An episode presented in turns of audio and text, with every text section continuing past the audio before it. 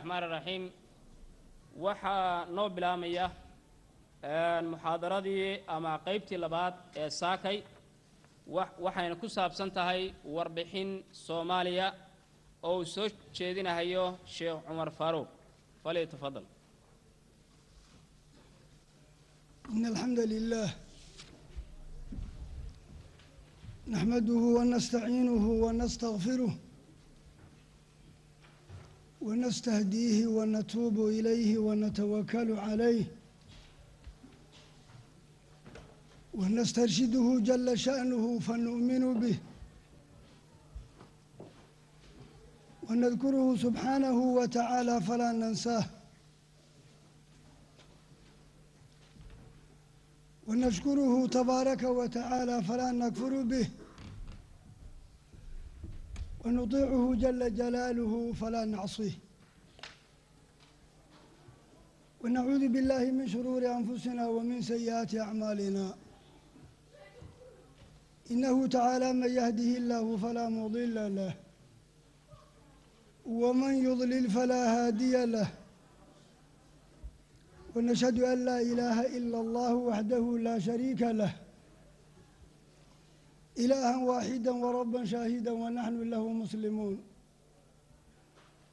ونشهد أن سيدنا ونبينا محمدا عبده ورسوله وصفيه وحبيبه وخليله وخيرته من خلقه وأمينه على وحيه وعباده بعثه ربه بالحق بشيرا ونذيرا وداعيا إلى الله بإذنه وسراجا منيرا فبلغ الرسالة وأدى الأمانة وكشف الغمة ومحى الظلمة ونصح لهذه الأمة وبين الحق وجاهد في الله حق جهاده حتى أتاه اليقين صلى الله عليه وسلم من ربه وقد تركنا عليه الصلاة والسلام على المحجة البيضاء ليلها كنهارها لا يزيغ عنها إلا هالك وقد قال صلى الله عليه وسلم تركت فيكم ما إن تمسكتم به لن تضلوا بعدي أبدا ألا وهو كتاب الله وسنتي fasalawaatu rabbii watasliimaatuhu calayh wacalaa aalihi waasxaabihi waatbaacih waman xadaa xadwahum wasalaka calaa dariiqihim wاktafaa aharahum wاhtadaa bihadyihim wadacaa bidacwatihim wاstana bisunatihim ilaa ywm اddiini wabacd macshar alxaadiriina walxaadiraat asalaamu calaykum waraxmat اllahi tacaala wbarakaatu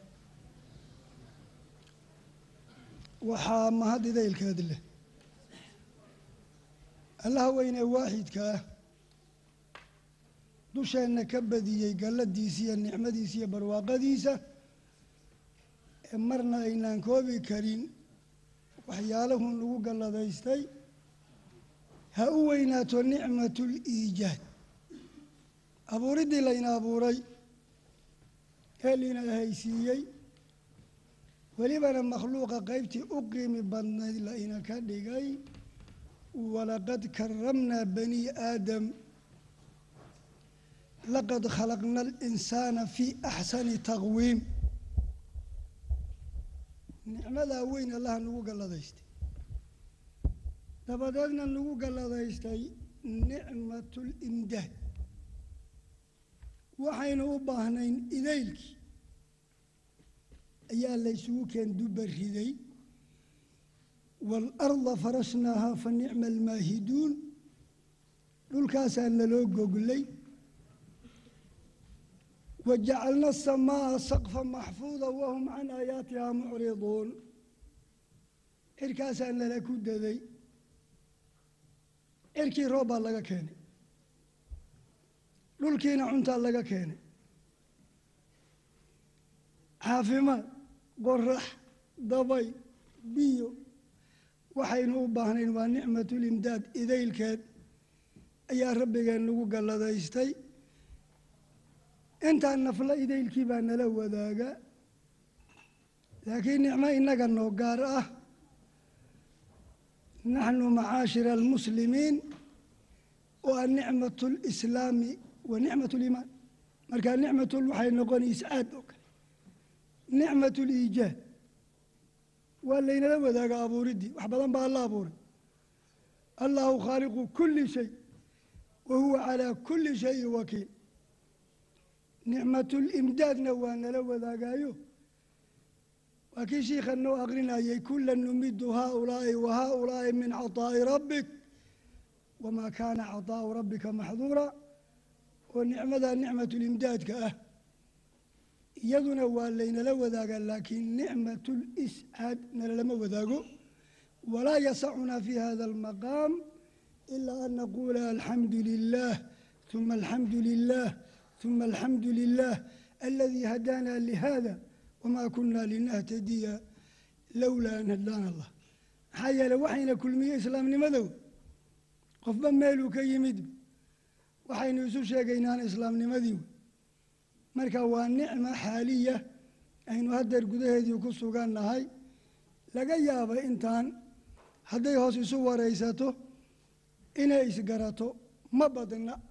Waa laga yaabaa qoladii meelunka wada timid bal kuwa meel ka yimid baan is aqoonin. Aniga haddeer waxaan ka soo aaday mu'tamarka oraburo dadka ka yimid waa ilaa soddon. Shan hebel uma odhan karo xaglo kalgacalladii iyo maxabbada laysu qabo qofba qofka kale nafta inuu siibo idan waxaa mahad idaylkeed leh. Ilaahayna weyne waaxidka saa noogu nicmeeyey.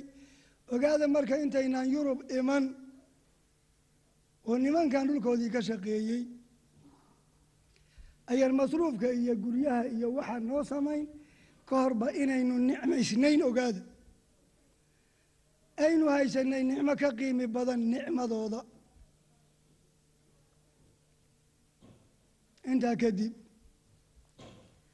haddaan u galo casharkii maanta laygu qoray ina araa'ida laa yakdibu ahlah nin hadduu sahan yahay dadkiisa iyo ummaddiisa iyo ahalkiisa u sahmiyo tuu barwaaqi iyo biyi iyo cunto iyo naq soo arka kama qariyo. Intuu abaar iyo aha soo arkana ummaddiisa kuma raro. Ina raa'ida laa yakdibu ahlah waa aasaas waxaan rabaa marka hore in laydin dareensiiyo warbaahinta ama warbixinta inay tahay qayb diinta ka mid ah usuul iyo adaabna ay leedahay. Aayaad badan oo ka hadlayaana ay jiraan haddaan ku soo gaabiyo saddex aayadood xilligii nabigu noolaa calayhi salaatu wasalaam ayaa waxaa jiray dad la nool muslimiinta ama madiina almunawara ku noolaa asaan muslim ahayn. Mushrikiin baa jirtay ahlu kitaab yahuud saddex qabiil banu nadiir banu qurayda banuu qaynuqaac madiina almunawaray degan yihiin munaafiqiin baa jirtay. Ilaa islaamkii baa quwo leh oo saariya almafcuul oo shaqaynayo xoog leh. Markaa dadan qancin allana iimaan ugu talagelin laakiin duruuf iyo ku dhex dhuumanaya arrimo kale egeeganaya ayaa jiray. Dadka noocaasa marka islaamkii baa hor lahaa fardaha kacsanaa ayaanba magaaliya dad baa la qaban jiray. Waxa uu dabeecadahay goorta nabiga guuto diro. Hawl islaami ah loo diray jihaad iyo wax lamida inay dhegadhegeeyaan wararka. Si xunna u soo gudbiyaan. Iyagoo markaa muslimiintii ku dhibaya. Gafuurada isku qabtaan iyagoo ilna isku xansanaya ilna isku waardiyeynaya inama najwa min ashayطaan liyaxzuna aladiina aamanuu walaysa bidarihim shaya arrimahaasaa jiri jiray kuwaasaa rabbi dhaliilay ka digay ceebeeyey subxaanahu caza wajalla hadday ka waantoobayaan ama muslimiinta kalea looga digayey faqaala caza min qaa'il waidaa jaaءahum amru min alamni aw alkhawfi adaacuu bihi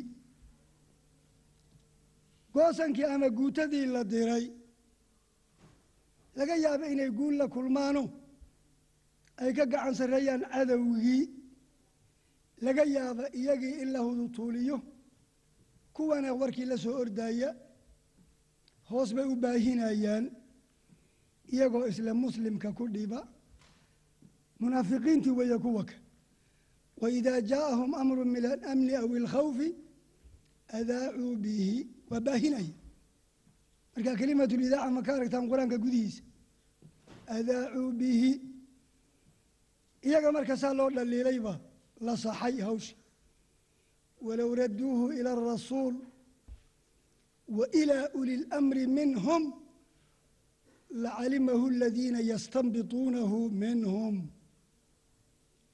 iyagu warka inay baahiyaan ma leh. Mas'uuliinna maaha xilqaadna maaha hadday hadalkaa isaga ah ee guutadii maqneed ku saabsan ama guulay gaareen amni ha noqdo ama guuldarro ay la kulmeen ha noqotee hadday warka rasuulka u celiyaan haddii laga gudbaana ragga qaangaarka taabagudka garaadka iyo gobonnimadii iyo cilmiga taqwo isku darsaday ka abi bakrin wa cumara wa cuhmaana wa caliy hadday hadalka dadka u celiyaan lacalimahu aladiina yastanbituunahu minhum. Kuwan warka dhalinaya dhiminaya shiilaya shubaya kuwaasay ka ogaan lahaayeen. Kuwaasna waa dad hawsha yaqaan. Wixii xaqiiqaha marka hore warka in la dabagala aayadda kale aynu ku sheegi doonaa. Marka la hufa kadibna wixii ku habboon sheegidna way sheegi lahaayeen. Waxaan ku habboonen way iska dhaafi lahaay marka fudaydka warka lagu fududaado aan la hubsan hawshaas yaa ka dambeeya ceebi waayeel bay leedahay. Shaydaan baa la yidhaah ceeb meelay ku timaadaba oday bay leedahay. Odagaa shaydaan baa la yidhaah isagaa ka dambeeya ku tiri iyo beenta walaa tatabicuu khudwaati shaydaan baa rabbi nagu leeyay ashaydaanu yacidukum alfaqra wa ya'murukum bilfaxshaa ceebi waayeel bay leedahay isagii baa kuwan eryanay alam tara annaa arsalna shayaadiina cala alkaafiriin ta'uzuhum azaa waxay gaalada ka hoyan la'dahay kana hargeli la'dahay dabada farta ka gelinaya macaasida u garaacaya xagga uga hiyay waalaynaya sow isagu ulma ah alam tara annaa arsalna shayaadiina cala alkaafiriin ta'uzuhum azaa markaasaa rabbi yidhi subxaanah wإida jaaءahum amru min alamni aw اlkhawfi adaacuu bih walow raduuhu ilى الrasuuli wailى uli اlamri lacalimahu aladiina yastanbituunahu minhum walowlaa fadl اllahi calaykum waraxmatuhu latabactum الshayطaana ilaa qaliila oo marka warka baahintiisa iyo badintiisa hubsasho la'aantiisa sii foolxumayntiisa shaqo shaydaan marka allah idin badbaadiyey wuxuu idinku galladaystay rabbi in rasuul idiin soo diray in diin laydiin soo dejiyey in dariiqii laydiin caddeeyey in laydinku abuuray hub wax lagu kasbado wajacala lakum asamca waalabsaara waalafidata lacalakum tashkuruun saa alloo mahadisaan waxaasaa gallad allah. Marka caqligii damiirkii caafimaadka qabay baa ku saacidaya ee haddii odagaa malcuunkiya laysu kayndiin lahaa idinka laysu kayndayn lahaa dalab buu idinka daadin lahaa. Ilaa isagu qorshihiisa wuxuu ahaa laugwiyannahum ajmaciin qof inuusan ka reebin oo basharka uu dalaal iyo baadinimo ku dabargooyuu ballan ku galay wuxuu ballan ku galay inuu xataa uga yimaado dhanka wanaagsan fabimaa aghwaytanii laaqcudana lahum siraataka almustaqiim ثuma laaatiyannahum min bayni aydiihim wa min khalfihim wa can aymaanihim can shamaa'ilihim walaa tajidu akharahum shaakiriin laakiin rabbi baa idin badbaadiyo uma suuro gelin allah ku yidhi ina cibaadii laysa laka calayhim sulطaan addoomaa jira aniga allah ii gaara mukhlasiina loo barax tiray iimaanka iyo daacada iyo wanaagga kuwaa ma fargelin kartid kumana dhici kartid ee isagu la uqwiyannahum ajmaciin. Qorshihiisu sidaas ah markaasaa laynoo kala sheegay yuu awood ku leeyahay shaydaanku. Yuusan awood ku lahayn. Waxaa rabbi yidhi inahu laysa lahu sulطaanu cala aladiina aamanuu wa calaa rabbihim yatawakaluun aliimaanu watawakul laba tilmaanood oo yaab la wey rumayn alla la rumeeyo iyo cuskiin alla la cuskado labada shaydaan looga badbaadaa waa labadaa inahu laysa lahu sulطaanu cala aladiina aamanuu wa calaa rabbihim yatawakaluun haddaynu ogaanay qolada uusan far saari karin foodana gelin karin se uma baahnin inaan dadkiisii sheegno uu ku guuro dul degan yahay. Inamaa sulطaanuhu cala aladiina yatawallawnahu waladiina hum bihi mushrikuun qaar ogol baaba jire oo ku odhanaya war ma alle ka baqdid waa ogahay salaadiiyo khayrka inuu fiican yahay shaydaan baa i wata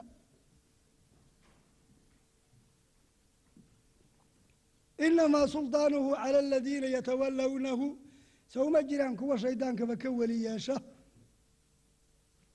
oo isaga uu hogaamiyo barnaamijkiisa iyo qorshihiisa ku shaqeeya oo kuwaynu naqaanee gaaladii iyo gaal raacyada maa kuwa xataa muslimkii ka mida fiqi baraale muxuu yahay sheekh xuseen muxuu yahay wadaaddo maxay yihiin reer xaaji sulaymaan maxay yihiin qiiqa iyo qaaca iyo beenta iyo daacada maxay tahay? Inamaa sulطaanuhu cala aladiina yatawallawnahu sawma. Goorta inta qof loo yimaad mare lagu dado qiiq hoosta laga geliyo.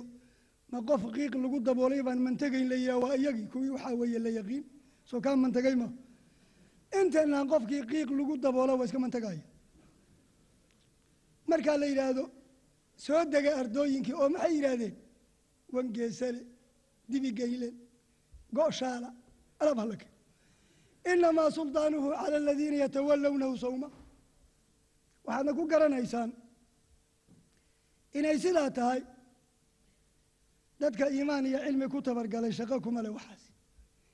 Bal waa kaasi inta reer fiqi buraalo ah aniga cumar faaruq ha igu soo daayeen fiqi buraalayaashoodii dacufa aalibu waalmadluub kolka carruurta haweenka caamada kuwaasaa la jug dhafaayo bakda lagu hayo.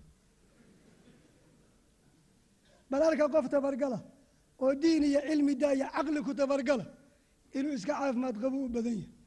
Mid mid laga minjaxaabiyana waa jira. Yaan waktigayga iga lumin. Waa la iga dambeeyaa muxaadaradu niman baa waktiga qowsaar u ah. Aayaddii labaad waxaa rabbigeen leeyahay subxaanah yaa ayuha aladiina aamanuu in ja'akum faasiqun binaba'in fatabayanuu sida qur'aanku warbaahinta u hufay ama uga hadlay dhegeysta ardaal hadduu idiin yimaado warna idiin keeno. Yaan warkiisa lagu duulin. Yaan maskaxdiiyo maanka la gelin la uuraysan. Dabagala iska hubsada warkiisa. In jaa'akum faasiqun binaba'in fatabayanuu maxaa ka dhalan kara kolka? Warbixin ardaal gaashaan iyo warma lagu qaaday maxaa ka dhalanaya an tusiibuu qowma bijahaala dad allahood alla yaho nabigood maxamed yoon wax ogey. Baa inta weerar lagu malaasa la abxado jebinaya taana maxaa ka sii dambeeya?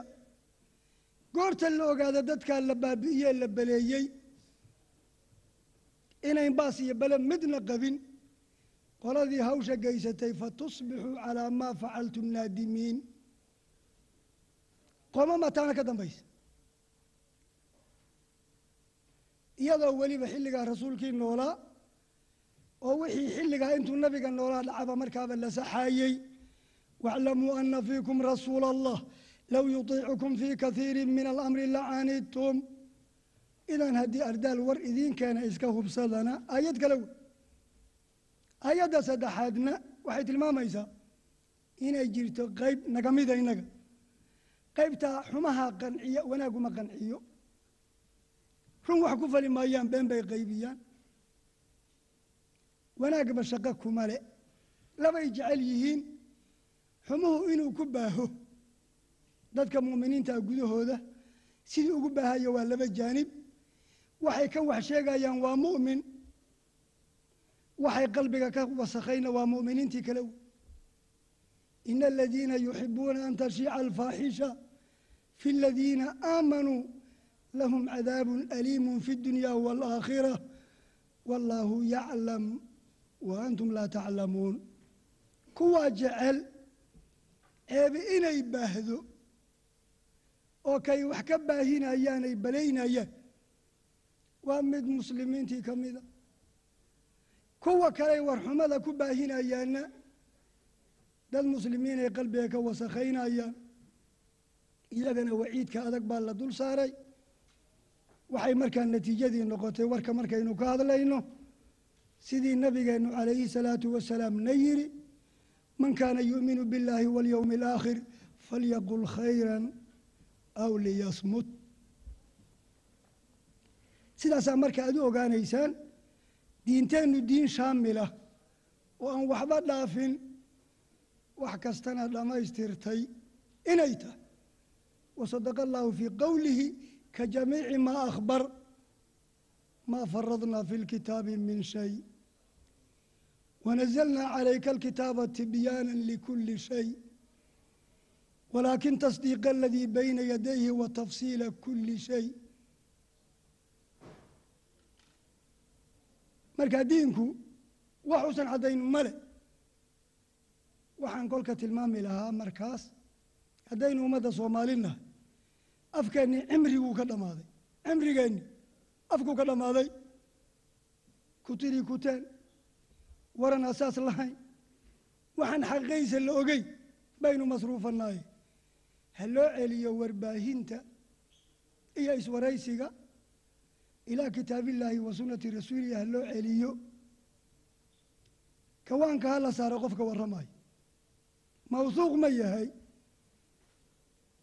lidiinihi wa cadaalatihi wa amaanatihi qofkaa noo warramaya diin ma leeyahay caadil ma yahay ammaano ma leeyahay xog ogaal u yahay arrinta runsheeg ma yahay aynu warkii ka qaadanno intaa hadduu gafana ha laga maarmo waa in la dafiro wey isna ha naste haddii kii nacasaa xer loo noqdo ka war warkiisii beriya galbeed la geeyo xumaha waa sii baahaya famaa jawaabu laxmaqi ila sukuutu canhu kaasoo kale cantara baqashkiisa waaladiina hum can illagwi mucriduun. Waidaa maruu billagwi maruu kiraama. Waidaa samicuu lagwa acraduu canhu. Waqaaluu lanaa acmaaluna walakum acmaalukum. Salaamun calaykum laa nabtagi ljaahiliin waa kii rabbigeen ku yidhi maryama calayha asalaam mucjiza alla ka muujiyey. Waxay ka jawaabi kartaa ma aha dadkuna waa hadal jecel yahay.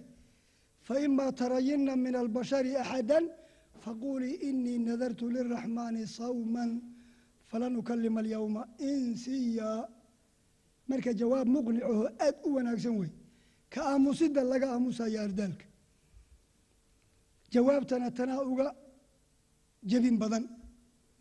Wuxuu leeyahay wuxuu qofkan iigu jawaabi waayey wuxuu ka wadaa waxba ma tihid. Laakiin haddaad u jawaabto soonimaad loolanteen sinaateen isxagxagateen isagu tarqiyada lacagta uma ah adiguna sow darajo dhac kuguma oo qof macquulaad ahayd hebelna maxaa kula taagay? Maxaad ku jawaabaysa idan warbaahintii waxaa ogaataa inay diinta ka mid tahay. Iska un sheeg maaha.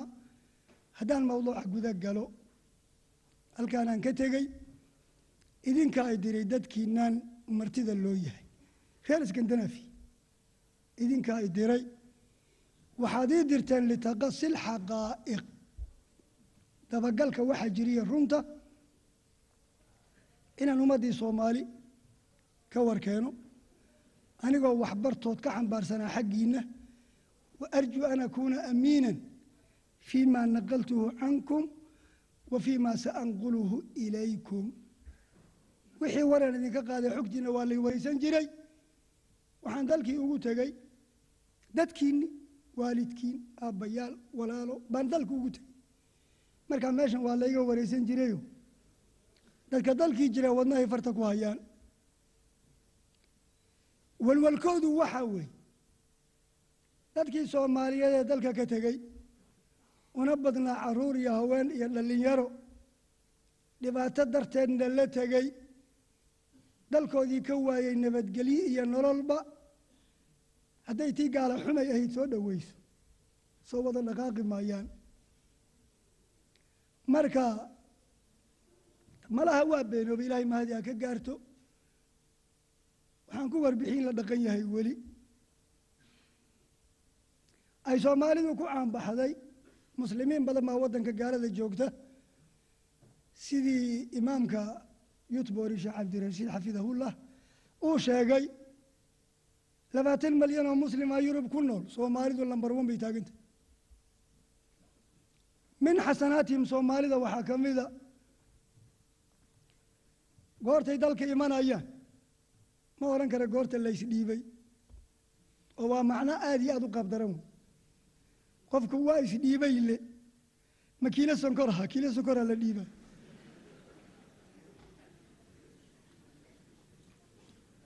Haddiise laysdhiibayo weli baynu lahayne. Inamaa waliyukum ullahu wa rasuuluhu waladiina aamanuu haddaad isu dhiibto. Almu'minuuna waalmu'minaatu bacduhum awliyaau bacdin haddaad isu dhiibto.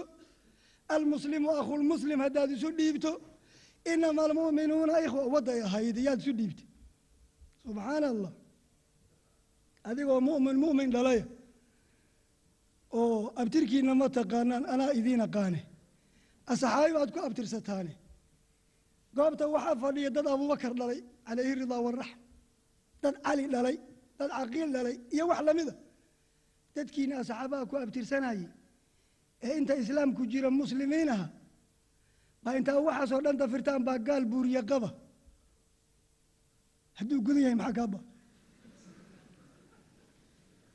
oo bakti cunaa bakti mar buu bannaanaadaayo. Markay baahi kuu geyseed dhiman lahayd. Nafta ka ceshee ku cidgal khinsiir doofaar iyo khamro caba baad isu dhiibtay sowmaa saamaxaka allah yaa soomaali. Haddana dadkii isdhiibay ee labaatanka malyan aha soomaalida kuma jiro qof gaalnimo isku dhiibay ka waran. Kombyuutarka waxaa ku jira inuu soomaali muslimaya haddeerna gaalada markaa tiraa soomaali baan ahay kadib ku waraysan maayaane diiwaanka fentamentalistaha lagu gelinayo. Soomaali see u dhanta kuwa aan ka calaacalayno oo raamaha leh dhagaha baqsaday sidii ay dabin la fakaday ama waraabo dabin la fakaday biruhu ka jalam jalam leeyihiin. Gaalada waxay ugu qoran yihiin fentamentalist sharaf allahu akbar walilaahi alxamdu waxay soomaalida ku caanbaxday xataa carabtii islaamka naga aanaysan jirtay. Walow carabaa nahay raalli ahaada xijaabka haddaad aragta gabar meel marayso qam indhihii yihiin soomaali way reer kale maaha marka arrimahaasaan warbixintayda ku darsaday dadaal inuu jiro oo dal aan looguba talagelin alle in lagu caabudo reeraha degan inaanu bakhaaro ka furno aan ilaah ku caabudno inaan ubadka iyo carruurta iyo uruurinay kolka dadaal iskaa wax u qabsaa oo in dowlad ka dambaynin laa tii tan dalkeeda la joogo ama ay dowlad ka dambaynin oo shabaab maamulaya dadaal heelkaa gaara shabaab baa maamulaya duruustii iyo waxbarashadii iyo diintii siyaalahaas iyo wax lamida ayaan ku warbaxshay iyadoo dhibaato weyna na haysato akhlaaqda lagu soo duulay jiritaanka iyo jinsiyadana lagu soo duulay ubadka lagu soo duulay arrin ay meel harisa marayso waan is leeyahay khutuur iyo halisnimo. Innagaa soomaali ugu liidana. Marka gobolladeeda maanta la tiriyo waxaa ugu liita dadka gaalada soo aaday. Maxaa jira kuwa dalkii jira? Diintoodu muhadad ma aha. Dadnimadooda muhadad ma aho soomaali wey akhlaaqdoodu ma aha. Laakiin innaga intiiba muhadad baynu nahay halis baynu ku jira haddana sida la mooday inaynu ka fiicannaan ku warbaxshay shamaaxinta waxaan ka bilaabay dalka sacuudi carabiya markaan idinka tegay idinka. Baan muddo joogay. Magaalada jiddan ku degoon ka bilaabay. Magaalada jidda markaan tegay anigoo magaalada muddo doora degnaa dhowr iyo labaatan sano. Dadkuna ay xiisaynayeen aniga iyo warbixintaydaba waa suuro geli weyday sidaan oo kale inaan reer jidda ugu waramo xilligaan la kulmay jawigu mukahara buu ahaa. Kulamada ma dhici karaan. Hadday waxaa kulmaaya wadaaddo yihiinna kaba dara. Ajnabi hadday yihiinna ka dara. Reer jidda waa dhici kari weyday meel jidda ku taalla inaan ku kulanno o isku waraysanno. Dabadeed bal waxaan idhi maka amay dhaantaa? Makaan tegey saddex habeenna baryey marka si suuq madow aan isu waraysanay reer mako dhibaatadii jidda makana waa ka jirtay. Lama kulmi karo laysuma tegi karo dadaan badnayn. Oo ducaadii iyo waxgaradkii reer makaa baan saddex goobood dadka waa la gaba la gabaleeyey baan waxoogaa ugu gudbiyey.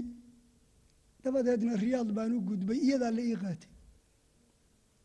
Warqad baa lay siiyey inaan soomaalida xu sheeg sheegi karo. Taasaan xoogaa ka faa'iidaystay. Saddex bilood baan mandiqa alwusta qasiim gobolka la yihaa dhowr iyo toban habeen baan joogay. Mandiqa sharqiya damaamna dhowr iyo toban habeen baan joogay. Muddadaa inteedii badnayd riyaad baan joogay. Min suurati almujaadila ilaa birabinaas baan ku laqbeeyey muxaadaraadna waa ka dhiibay. Markaa ummadda aan ugu tegay dalkaas idinkoo kale wey. Dhibaatay dareemayaan dadku waa cabbaaray. Waxaad mooddaa soomaalidu? Lisaanu xaalihaa yaquul ayna almafar war meel la aadayaa garanayo riyaad nin takhtaroo soomaaliya aada wax u bartay oo isbeddelkaa ugu weyn riyaad shumaysi baa la yidhaa buu ka shaqeeyaa muddo doora shan iyo toban sana ka shaqaynay waxoogaa sunuuda buu ururiyey. Wuxuu yidhi walwalkayga waxaa ka mida waxaa ka bilaabatay dalkaa sacuudiga sacwada wax la yidhaah sacwada macnaheeda waxa wey qofaan dalka u dhalan waxba inuusan ka noqon wey qofaan dalka u dhalan inuusan waxba ka noqon. Marka ayaanba kii laga maarmoo mid bedeli kara la helo baa qadaadka la qabtaa. Markaa ninkan takhtarkee soomaali bakdintaasaa ku jirtay wuxuu yidhi beriyo beri dambe midun baa la iqoor qaban doonaa xaggeen tegi doonaa. Sunuuddi iyo carruurta xaggee geeya. Carruurtiisu ma badna afar keliyata wuxuu yidhi meeshaan soomaali ahayne antagaba untan oo kale. Cizad iyo karaamo ma taal meel adan u dhalan.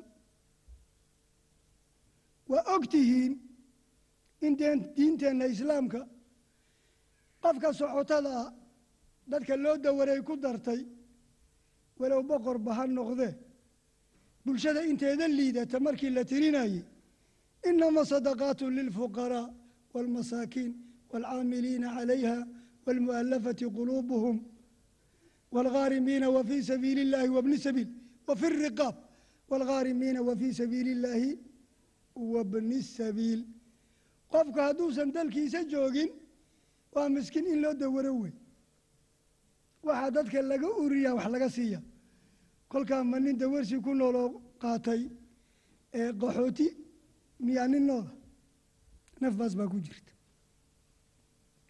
marka wuxuu yidhi dalkan soomaali ahaynba waxaan ku noqonayaa kanoo kale. Soomaalina meel la tegi kara maa waxaan takhtarkii ku wari war takhtar adigoo caruurtaaduna afar tahay. Lacagna haysta. Ayaa si aad wax dhahdala ma la socotaa soomaali inayn lacagba haysan? Qaarna kaa caruura badan yihiin. Waxaa markaa dhibaatadii ay noqotay dhibaato yool gaartay ummadda soomaali meelay joogtaa waa ku dhib qabtaa. Markaa saddex bilood dalkaasaan ku dhex jiray aad waxaan ugu faraxsanahay meeshaan tagaba inaan ku arkay dad qiimi galoo soomaaliyeed.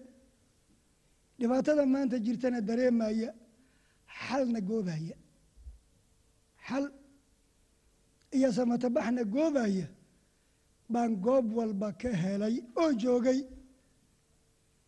amal baa markaa igu abuuri maan is leeyahay ummadda soomaali bicawnihi tacaalaa dhibkan waa ka bixi doontaa in allaha laa yugayiru maa biqowmin xataa yugayiruu maa bianfusihim.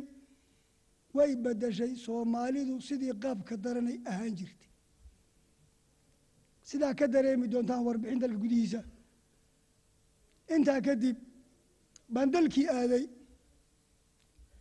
Dalkeenna saaad og tihiin koonfur iyo waqooyi buu u qaybsamaa. Warbixintii waqooyi sheekh mustafa berri insha allahu sabtida aan filaynaa iman doona isagaan ku wareejiyo waa iiga dambeeyey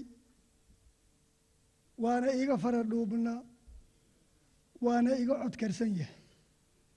Markaa warbixintii waqooyi sheekh mustafa xaaji ismaaciil haaruun baa inoo iman doona isagaynu ka qaadan doonaa aniga markaa koonfur baan gafuurka aadiyey keligay maahayn rag baa ila jiray. Qolo bari inay boosaaso ka degaan ilaa gaalkacyo socdaan. Baan ku ballannay. Qolada dhankaa kenya inay ka tagaan dabadeedna kismaan iyo gado tagaan ayaan ku ballannay.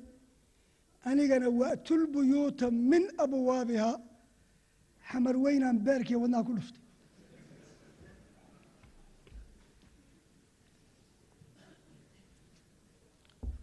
maxaa jira shar iyo khayrba? Isagaa ugun ah. Xamar baan aaday. Markaan xamar tegey kadib subaxaan anba baxayo jiddo ka anba baxayo. Dadkii iga naxayay reer jiddo aakharay iigu tala galeen haddii wax badan lay caabiyey maxaad ka dooni? Ma waalatay? Ma wadkaabaa gala? Anigana wax kaloo jawaab waa waayey waxaan ku idhi faidaa cazamta fatawakal cala allah. Cazamtu. Waa go'aanan gaari. Cimrigayga hadduu dhammaaday allana qadarayna wax kama qabo in laygu duugo soomaali gudaheeda intii gotembaag laygu duuli laha laba gaadhaxood la igelin laha markaa sidii cinabkii alwaax inta laygu dhex nabnabo laba gaadhaxood la igelin laha istaahil aan ku dhinta soomaaliya ha laygu xabaaro.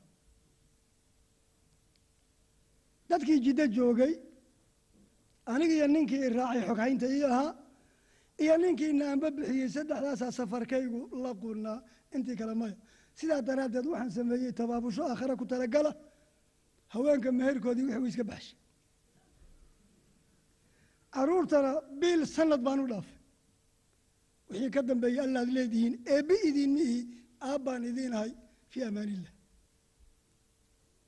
Ku talagalkaasaan ku tegey dalkii markaan tegey marka aan idiin sheego waxaan kala kulmay dalkii iyo saan ummadda ula dhaqmay iyo inta aan tegey aniga shakhsiyan.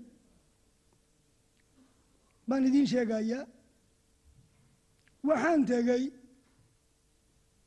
caasimada maahee laba gobol bay iyo shabeellada hoose. Magaalo ahaan afgooyi iyo daafeed iyo buur hakabi iyo baydhabo jidkaasaan qaaday. Ka gadaal shabeellada hoose markii iyo qoryaale waa taqaanaan intaan idiin sheegay waa intay soomaalidu ugu badan tahay tiri ahaan. Waa meesha dhibaatadii aad ay ugu joogsatay markii horena abaarta iyo dagaalada qoobkaa lagu maroojiyey labadaa gobol markii dambena gaaladu waxay ka faa'iidsaa ama ku soo gabataa dacfiga iyo baahida meeshaasay ka dhacday gaalada. Intaan maray waa inta. Habkan ummadda ula dhaqmay saddex qaybood bay ummaddu ahay dadweyne sidiinaan oo kale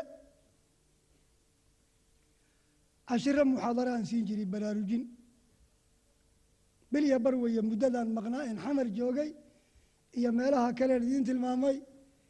Taqriib waxaan bixiyey boqol muxaadaraan bixiyey maxaa jira yowmiya bacda alfajar mid baan dhiibi jiray bacda alcasarna mid bacda almaqribna mid. Waxaa dhici jirtay markaa yowm inaan saddex dhiibo ama afar inaan dhiibo. Markaa dhaqankii anigiiyo dadweynihii soomaali ka dhexeeyey wuxuu ahaa muxaadaraadkaas odayaasha qabqablayaasha ana waxaa naga dhexeeyey muqaabaliya markulan. Nimanka wadaadada ana shaqadeeda joogtada yahay yowmiyaan ku kalihi jiray kuwa. Ururada islaamiga ah iyo odayaasha waaweyn walow culammada waaweyn markaan ku aaday waddanka way ka maqnaayeen shariif cabdinuur isagoo xanuunsanaya markuu soo jiron uguba imid. Sheekh maxamed nuur qawi sidoo kale khaliijka abudabey iyo dubay meelahaasuu jiray. Sheekh ibraahim suuley waa soo maqnaa isagii sheekh cabdirasiis sheekh cali suufi. Bangaadesh dhankaasay soo jireen.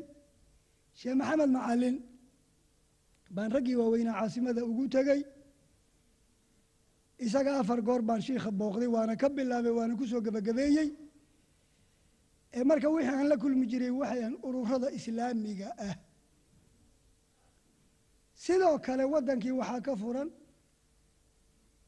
intaan booqdeen xusuusta ilaa shan xafiis oo dad ahlu khayr oo caraba ay leeyihiin.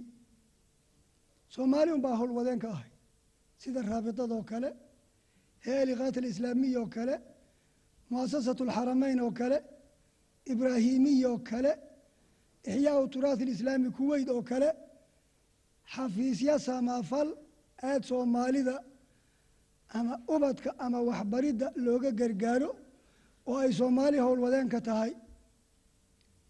Kuwaas iyo ururada islaamiga ay taqaanaan baa iyaga shaqayda joogtada ahayd oo dadkii aan u dan lahaa ahaa.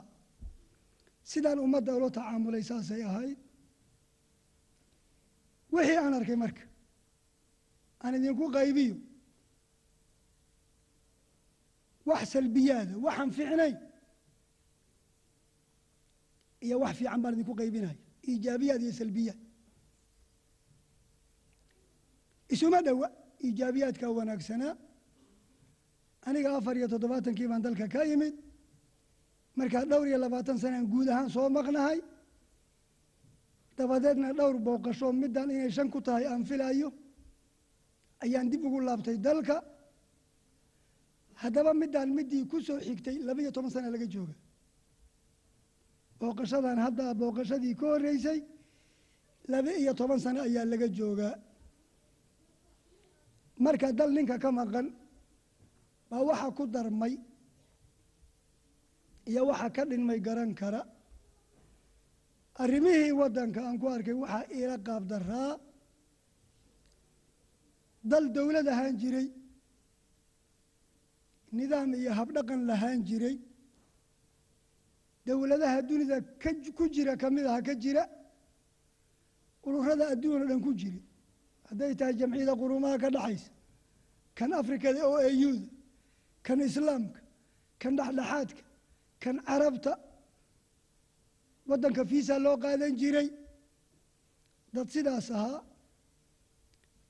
oo dowladnimadii iyo qarannimadii duntay oo markaa dadka aragtid waxaad ku suurayn kartaa naflo la gowraco oo kurka laga gooyey oo intii kale jafjaflaynayso marka waa taqaanaan kurka jirka meeshuu uga aadan yahay. Lug hadday ku goodo ama gacan ku goodo amaad indhaha beeshid amaad dhagaha beeshid waa sii jiitami kartaa laakiin kurka markii la gooyaa ka waran. Kurla-aantaan idiin sheegaya waxa weeye waa meelaan maamul iyo madaxnimo iyo ismaqal ka jirin wey waayeel waxaa ka ah meeshii edab daro baa waayeelka ah. Ama bilcarabiya fawdaa baa waayeelka ah dhibaataday taa keeni karto waad garan kartaan. Dadka ku dhex nool baana garan kara. Waxaan xusuustaa galab.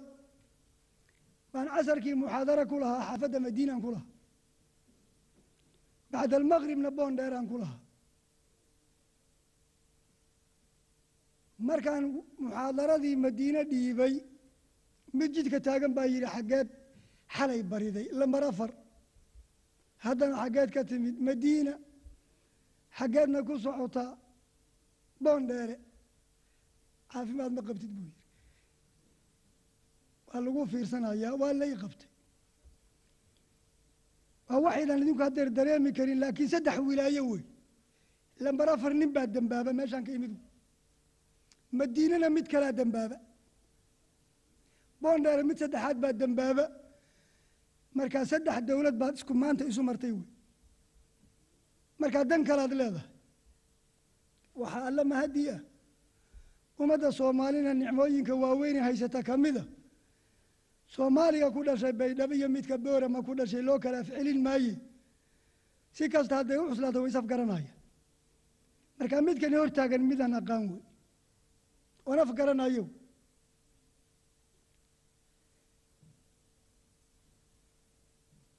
barya intaan ka badinay. Baryadii waxayna kaliftay hal saac iyo rubi. Markii dambe dhanka diintaan ogi maxaa waryaa ma og tahay inaad nikaax ku dhalatay hooyadaa ninkii meheriyey ma taqaan saasuu ii fiiri. Aniguubi imooday inaan kii ah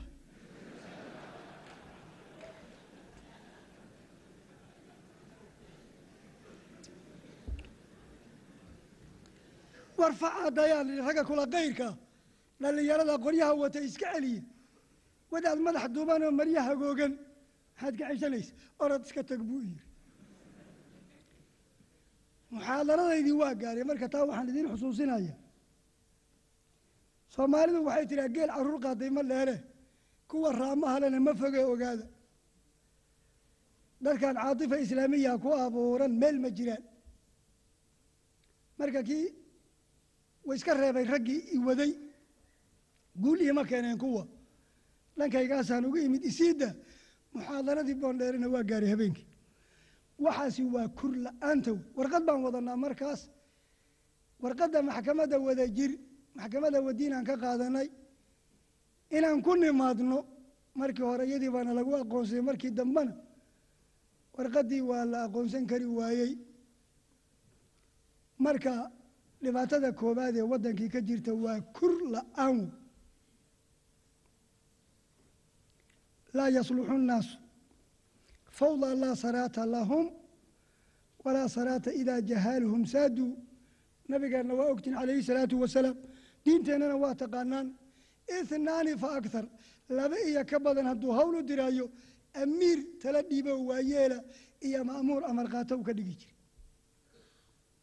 dardaarankii nabiga waa taqaanaan calayhi salaatu wasalaam asxaabtu markay tihi fa awsinaa yaa rasuul allah kow uusiikum bitaqwa allaahi buu yidhi.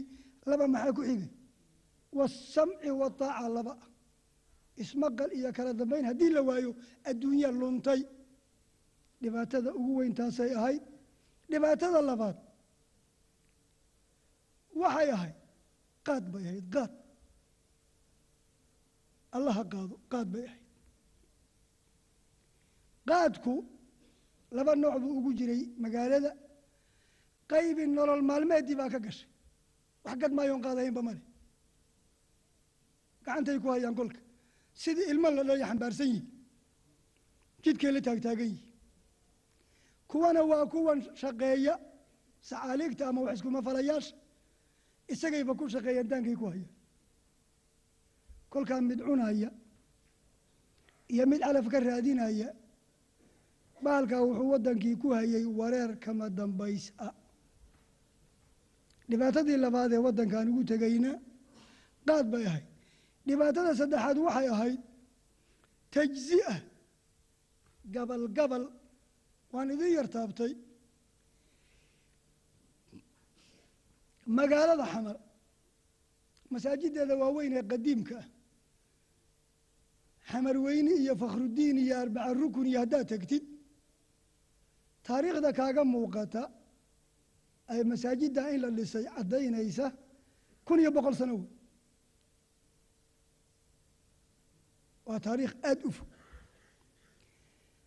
Muddadaa tirada badan magaaladan xamar marba heeray joogtayba iyadoo xamar qaybsan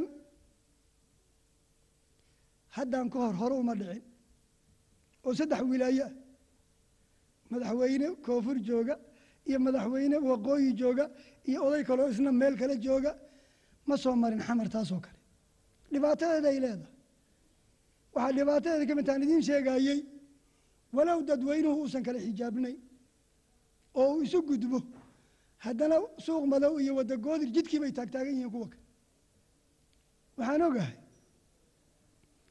inaan goor galaba muxaadaro meel ku lahaa markaasaa la yidhi muxaadarada galabtaa meesha aad maqribkii ku leedahay qoraxdoo soo jeeda in la maro maahe lama mari karo. Dhibaatadaa waxay la tagtay soomaalida waa taqaanaan waa idinkoo kale meelay joogaanba cashar in loo jeediyo su'aalahay ka jecel yihiin. Marka dhibaatadaa su'aalihii bay la tagtay. Waxaan ku idhi casharkiina waa ka su'aalihiina. Goortaad magaalada midaysaan baan yaad i weydiin doontaa haddase qoraxdaan ka cararaya meeshaan seexan lahaa waa inaan u gudbo intaanay qoraxda dhicin. Tajzi'ada iyo gabalgabalkaasna dhibaato weyn bay ku hayeen oo hal qofa markii nabigeennu calayhi salaatu wasalaam uu inoo tilmaamayo muslimiintu siday tahay tara almu'miniina fii tawaadihim wa tacaatufihim wa taxaabubihim kamahali اljasadi اlwaaxid ida ishtakaa minhu cudwun tadaacaa lahu saa'iru اljasadi bisaari wاlxuma hal qof baa nabigeenu ka cabiriyay muslim idaylkii almu'minu lilmu'mini kalbunyaani yashudu bacduhu bacda washabaka bayna asaabicihi in allaha yuxibu aladiina yuqaatiluuna fii sabiilihi safan safayni maaha walaa sufuuf maaha in allaha yuxibu aladiina yuqaatiluuna fii sabiilihi safan laguma dayn safan kaanahum bunyaanu marsuus.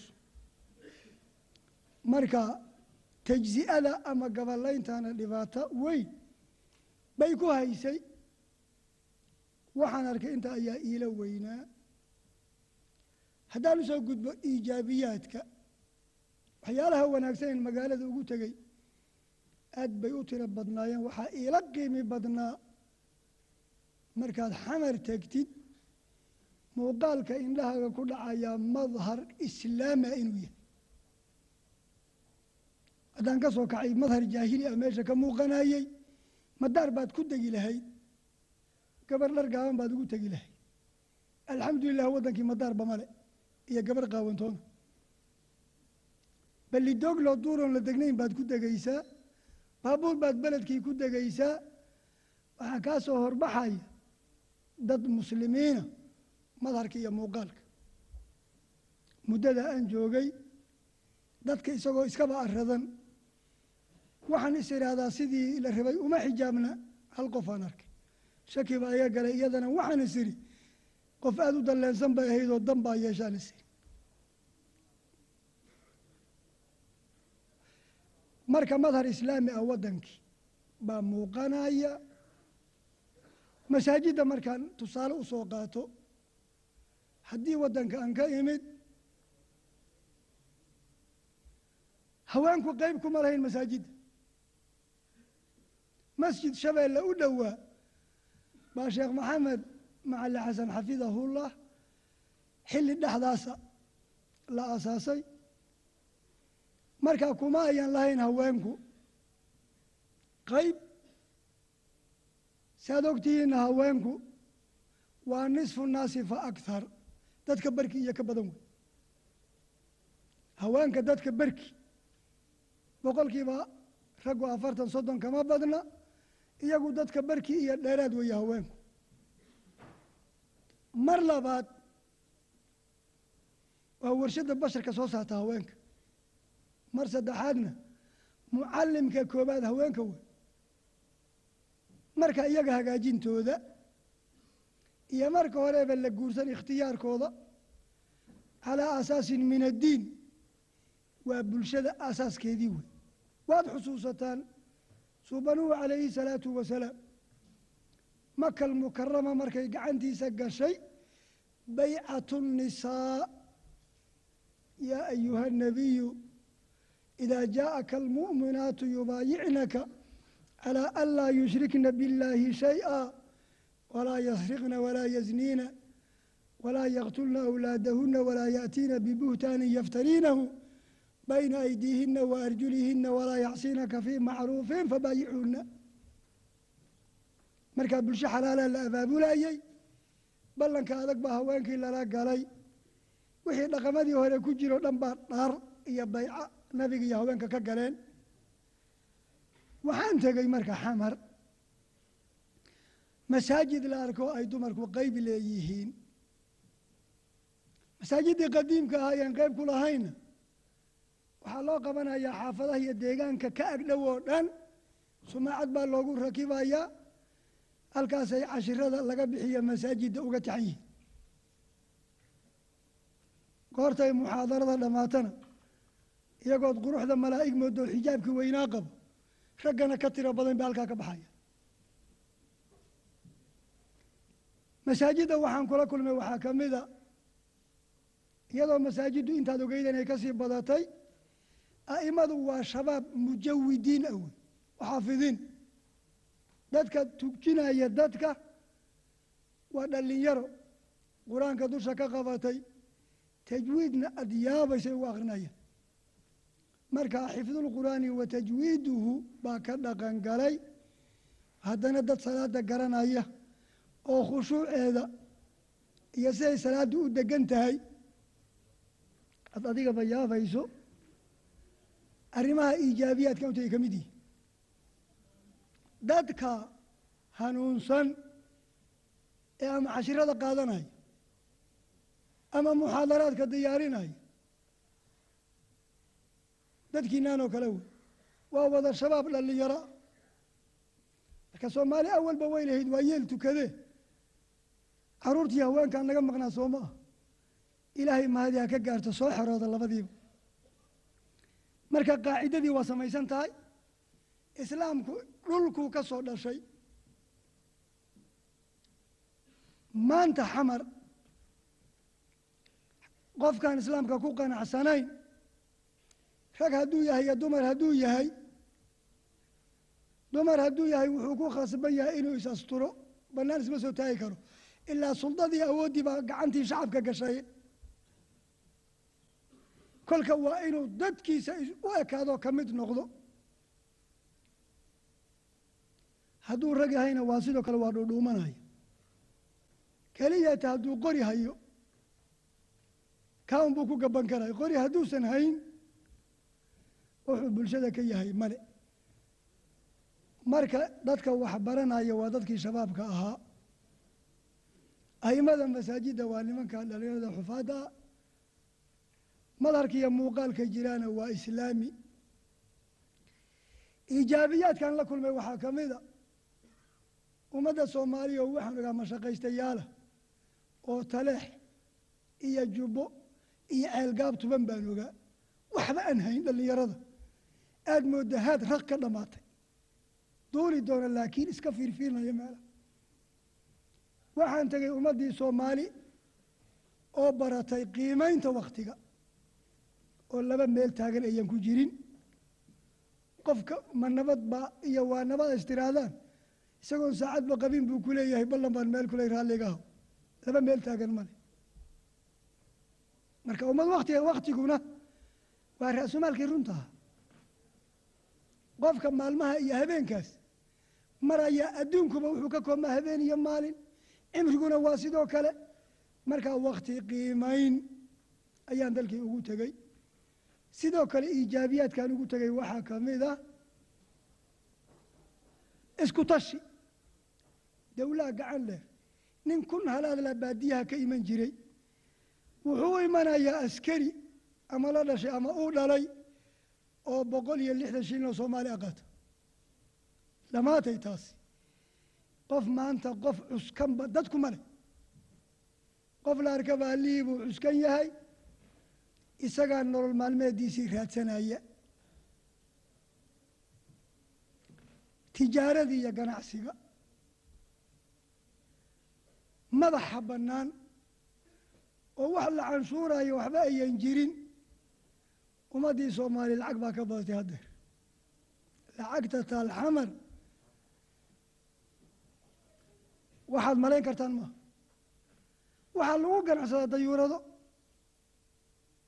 maraakiib lug iyo faras. Sidoo kale muwaasalaadka adigoo jooga bakaaraha xamar baad shanta qaaradoodba la hadli. Ma jiri jirin xilligii hore.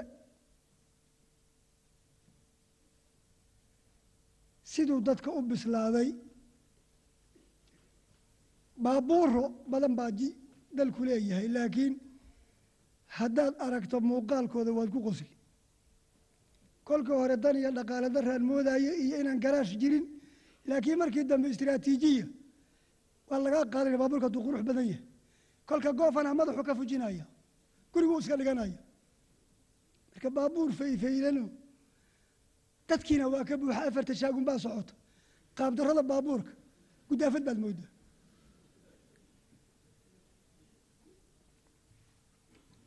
dhibaatadu dadka waa edbisaa dadkii intuu wada caqlaystuu kaba calaf miiro noqday.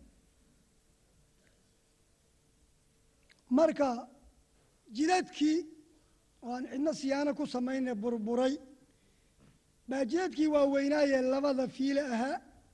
Fiilaa duleeshamaysa oo hallaabaysa. Fiiladii kalea laysaga hor imanaya ilaa meesha taraafika ma joogte. Muruur ma laha iyagaa baabuurtooda kala xeshanaya mid baa isqaamaya oo istaagaya kala duduwaaya labada isku dhacdaana ma doodee intuu midba waxa gaaray fiiriyu dhaqaaqaya. Lagama gaaro dood iyo mura waxaan isi markuwaan waa ka risteenba dowladdii jadaara soomaali waxay muujisay lix sanay dhaqmaysaa dowlad la'aan hadda. Waa loo ogolaan layahay oo waxaa ku duulaana.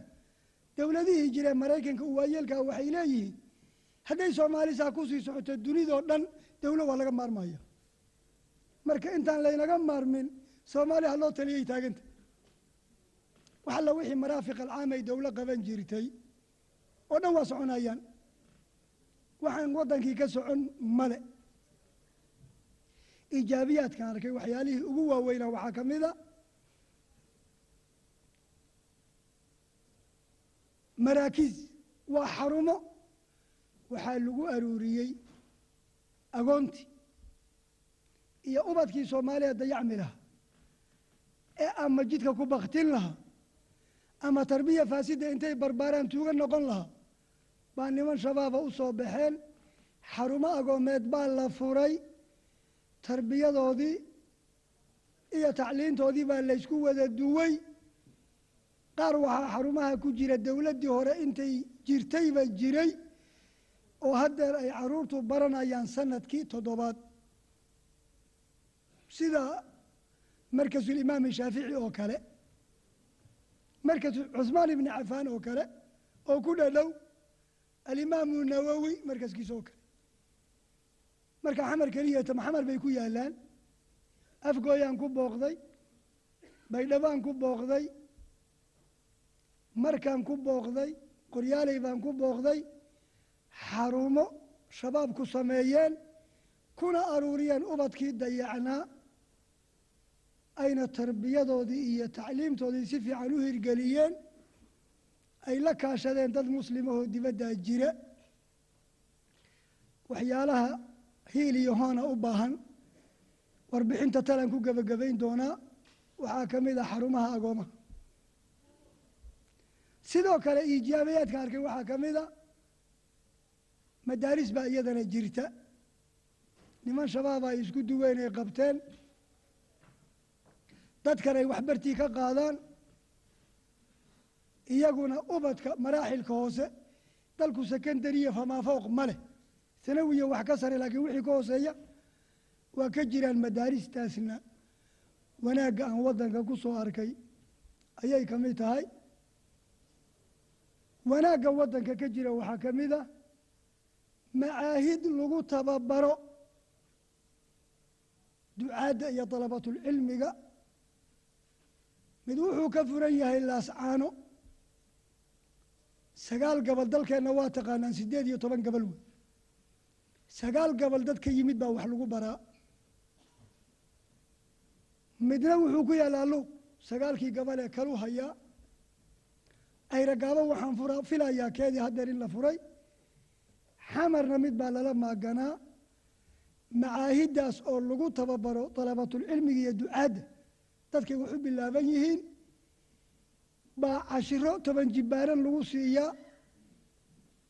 Goorta ay cilmiga bartaanna liyatafaqahuu fi ddiin waliyundiruu qowmahum idaa rajacuu ilayhim.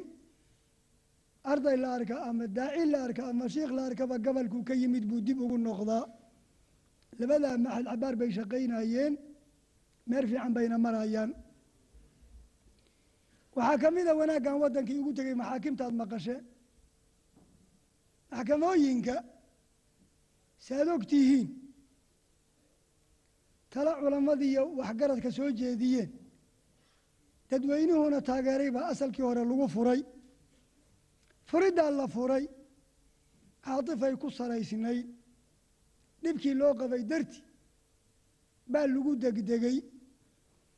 Ee waxay ahayd maxkamadda intaan la furin in horta ciidamadeedii la diyaariyo qudaadeediina la diyaariyo.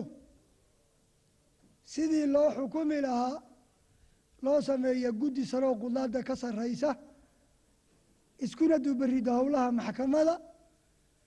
Maxaa yeelay rabbigeen intuu abuuray bani aadamkaa u qiimi badan howla qabtana maamulka bani aadamkaa u qiimi badan?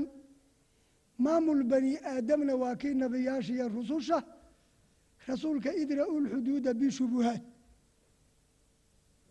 bani aadam xukunka lagu qaadayaa waa inuu nas cad oo qayaxan ku salaysan yahay. Marka iyadoon xaggii qadihii la hufin guddi sare aan loo samaynin xaggii ciidamadana aan la hagaajinin baa iyada furideedii laga bilaabay hase yeeshee haddii la furay waa la mahadiyey. Waxay ahayd xibin loo baahnaa dalkana ka maqnayd. Saad og tihiin alxukmu bikitaab illaahi min aliimaan shareecada ku dhaqmideeda iimaankay ka mid tahay. Calaa khiraari qowli rabbina tabaaraka wa tacaala falaa warabbika laa yu'minuun xataa yuxakimuuka fima shajara baynahum uma laa yajiduu fii anfusihim xaraja mima qadayta wa yusallimuu tasliima idan waxay ahayd qayb iimaanka ka mid ah ama haddii kale diinteenna islaamka labaa u asaasa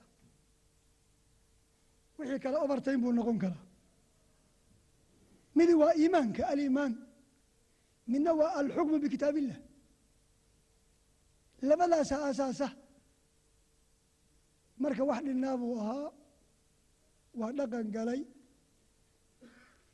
Faa'iido weyn baa laga gaaray oo iyadoon dukaanka laga soo iibsan karin goob shaaha oo qofkii dhaqaaqaba mid kalea ku nasiibsanayo xabad raacinayo.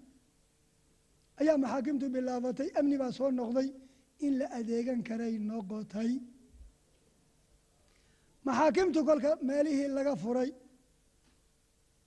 Goortay heer wanaagsan marayaan. Gaaliya gaala raacyo u adkaysan waayeen. Waxay walwal weyn ka qabeen awal. Baraaruga islaamiga iyo heerkuu maraayo bay ciil dhuunta joogeen. Maxaakimta kolka tiibayba ka dartay. Oo tanfiid wax muuqanayay noqotay aad bay gaalo u caragelisay saddex dagaal bay ku qaadeen. Dagaal dicaayad wey inay ku qoraan jaraa'idka. Inay dunida ku baahiyaan. Meeshaa dadkaa lagu cuna ay soo sawiraan tuug. Laga horgeli waayey oo laga hoyan waayey oo gacan laga gooyey bay soo sawirayaan. Ummaddan soomaali burburkiiyo baabi'ii ku dhacay iyo malyuunkii kanooniga baahidaa ku dhacay soo qori maayaan iyagaaba rushaynaya oo laynaya intay beerkiiyo wadnaha kala baxeen soo qori maayaan waxay soo qorayaan tuug laga adeegan waayo gacan laga gooye dicaayaddaasi dalka dibaddiisay aada ugu sameeyeen gaaliya gaala raacyo. Dagaal labaadna lacag bayba dalkii geeyeen gaaladu. Ay wax alla waxay kaashan karaan oo gaala raacyo waddanka u dhashay ay lacagtaa u dhiibaan si maxaakimta loo minjaxaabiyo ta saddexaadna waxay iska horjeediyeen culammadii maxaakimta haysay iyo qabqablayaashii beelaha magacooda dambaabaysay bay leeyihiin qabqablayaashu waxba ka wax maa hidine maxaakimtaa wax xukunta isku dir iyo dicaayad iyo maalkaa lagu minjaxaabinayo markaa maxaakimtii dhibaatadaas ayaa maalmahan dambe ku soo bilaabatay saad ogtiin ama maqasheen. Marka maxaakimta iyo macaahidda ducaadda lagu tababaro malaajida aytaamta meelaha xarumaha agoonta iyo madaarista jira intuba waxay noqotay ummadii hadday dhaqaaqayso. Amay hore u marayso labay hore ugu martaa dhaqaalaha iyo waxbarashada. Labadaasaa ummadii hore ugu martaa waxbarashada iyo dhaqaalaha. Labadaa isku qiimi ma aha waxbarashada sii wanaagsan ilaa dhaqaalay soo saari kartaaye dhaqaalase lacag la uriyo banki la dhigay aqoon soo saari mayso. Laakiin waxbarashadu aqoon bay soo saaraysaa arrimahaas. Ayaa ka mid ahaa iijaabiyaadka iyo waxyaalaha wanaagsan ee aan waddankii ugu tegay. Marka si aanan isaga iloobin howlaha iyagaa dadkiinan hortayda ka muuqda iyo intaad ka timaadeena idin lamidka ah bay uga baahan yihiin hiil iyo hood deg deg ah bay uga baahan yihiin waxaa ii dhiman inaan idiin taabto hawshaydii weynayd ee aan dalka u aaday. Aada ogeydeen ee bayaanu maka ayaa ii cuslayd oo xilkiisa i fuulay. Waxaan markaa isaga kala tacaamulayay ururada islaamiga ah ee magaalada ka jira ururadaasaan muqaabalaad tiro badan iyo wadahadal la yeeshay. Saa ogeydeen ururkii hore bayaan maka ma shaqayn asbaabo jira awgood oo ay ka mid tahay hawsha aada u weynayd oo ballaarnayd oo ay ka mid tahay ummadda soomaali oo baahday shanta qaaradoodba joogta. Ay ka mid tahay ragganagii berigii hore loo xilsaaroo yar. Shan nin baaban ahayn. Oo ay ka mid tahay odagii oo naga xanuunsaday shariif cabdinuur naguna xanuunsaday oo xamar iyo nairobi iyo maki iyo meel kastaba. Isla annagii aan geynaynay oo ay ka mid tahay ragganagii hawsha loo xilsaaray oo ahayn dadka dibadda ku nool. Hawshan ay u baahnayd dalka gudihiisa in laga wado. Sidaa daraaddeed qorshihii hore ahaana xajkii in la ysugu yimaado shir loo dhan yahay ma dhaqangelin. Dabadeed xagga haddaan tegey aan arrintii bandhigay ururadii islaamka ee ka jiray dalkana aan kala xaajooday culammadii waaweyneyd ee waddanka jirtayna aan kala xaajooday waxaan isku waafaqnay guddi in laga sameeyo dalka gudihiisa. Ururadana guddigaa uu ka koobmo. Guddigii baan samaynay oo magacawnay. Waxaan ku talagalnay shir tamhiidi ah gogol dhiga inaan samayno. Kaas wuxuu noo dhammaaday bishii xajka. Baa hawshaan naga dhammaatay goolkan cadbaar wadnay. Bishaa iyo barkaaba hawshaasaan ku jiray. Waataan idin idhi shaqadayda rasmigaa wadaadadii ku saabsanayd guddigii samaynay marka bisha afraad muxaram safar baynu haddeer ku jirnaa bil kadib siddeed iyo tobanka gabal ee dalku ka koomo ayaa gobol kasta waxaa laga marti qaadayaa laba shiikh laga waraysta gobolkooda bal horta inaan leys isugu geynaa culammada wax ku oolka ah. Dabadeedna shir weyn ay culammadu u dhan tahay la qabto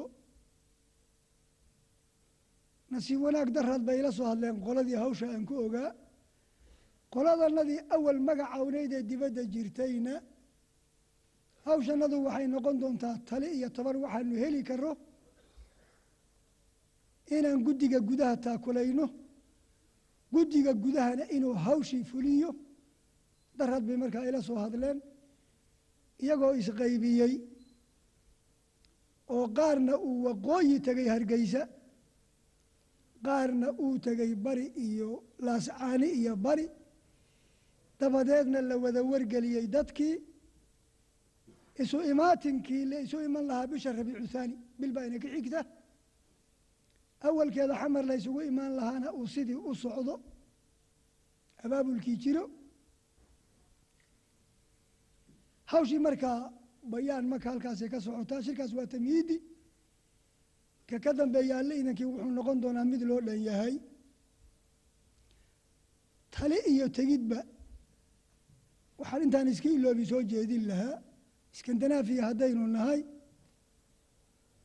in la diyaar gareeyo dowladba qof in finland qof ka tago norway qof ka tago denmari qof ka tago suweydna ugu yaraan saddex iyo laba ka tagaan intaa inaynu kaga qayb galno tamhiidiga shirkan hore gogoldhiga ah ee weligaa laakiin midka dambe weyn oo kaas laga qaban doona xilliguu dhici doonaana ka inaan loo kala harinba insha allahu noqon doontaa marka bayaan mako halkaasuu maraayey. Taasna waa wixiina dhex maray aniga iyo culammada ama ururada islaamiga ah odayaasha waddanka muqaabalaan la yeeshay iyo kulan. Soomaali haddaad taqaanaan iyo haddaydan aqooninba dakaatirada murxay bay mujaamalada ka badisa.